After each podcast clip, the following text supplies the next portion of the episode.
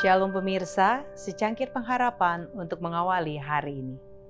Perkataan ini tepat dan benar. Lalu ia berkata kepadaku, perkataan-perkataan ini tepat dan benar. Dan Tuhan Allah yang memberi roh kepada para nabi telah mengutus malaikatnya untuk menunjukkan kepada hamba-hambanya apa yang harus segera terjadi.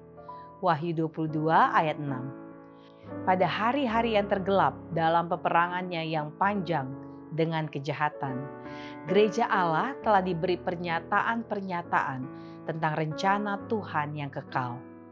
Umatnya telah diizinkan memandang di sembarang kesusahan-kesusahan yang ada sekarang sampai kepada kemenangan-kemenangan yang akan datang ketika peperangan itu telah berakhir umat yang ditebus itu akan masuk untuk memiliki tanah perjanjian itu.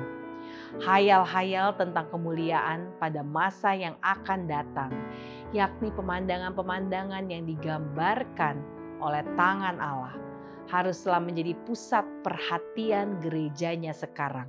Bila mana pertentangan dari zaman ke zaman dengan cepat menuju akhirnya, dan berkat-berkat yang dijanjikan itu segera akan diwujudkan dalam segala kesempurnaannya.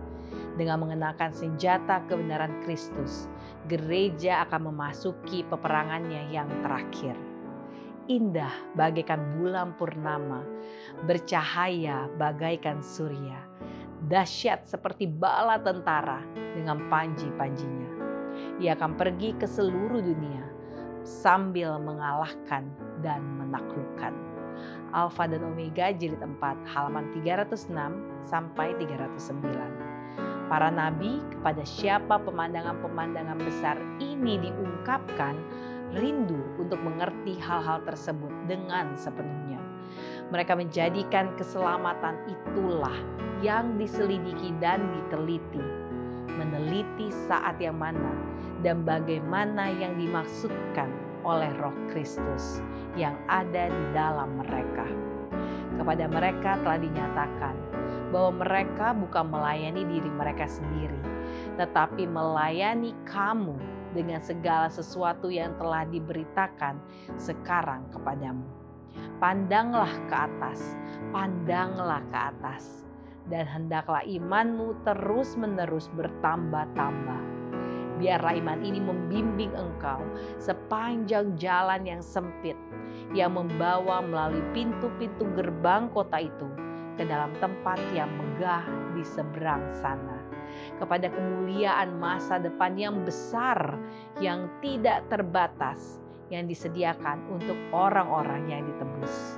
Karena itu saudara-saudara bersabarlah sampai kepada kedatangan Tuhan Sesungguhnya petani menantikan hasil yang berharga dari tanahnya dan dia sabar sampai telah turun hujan musim gugur dan hujan musim semi. Kamu juga harus bersabar dan harus menundukkan hatimu karena kedatangan Tuhan sudah dekat. Alfa dan Omega jilid 4 halaman 315 dan 316. Demikianlah renungan kita hari ini. Selalu mulai harimu dengan secangkir pengharapan.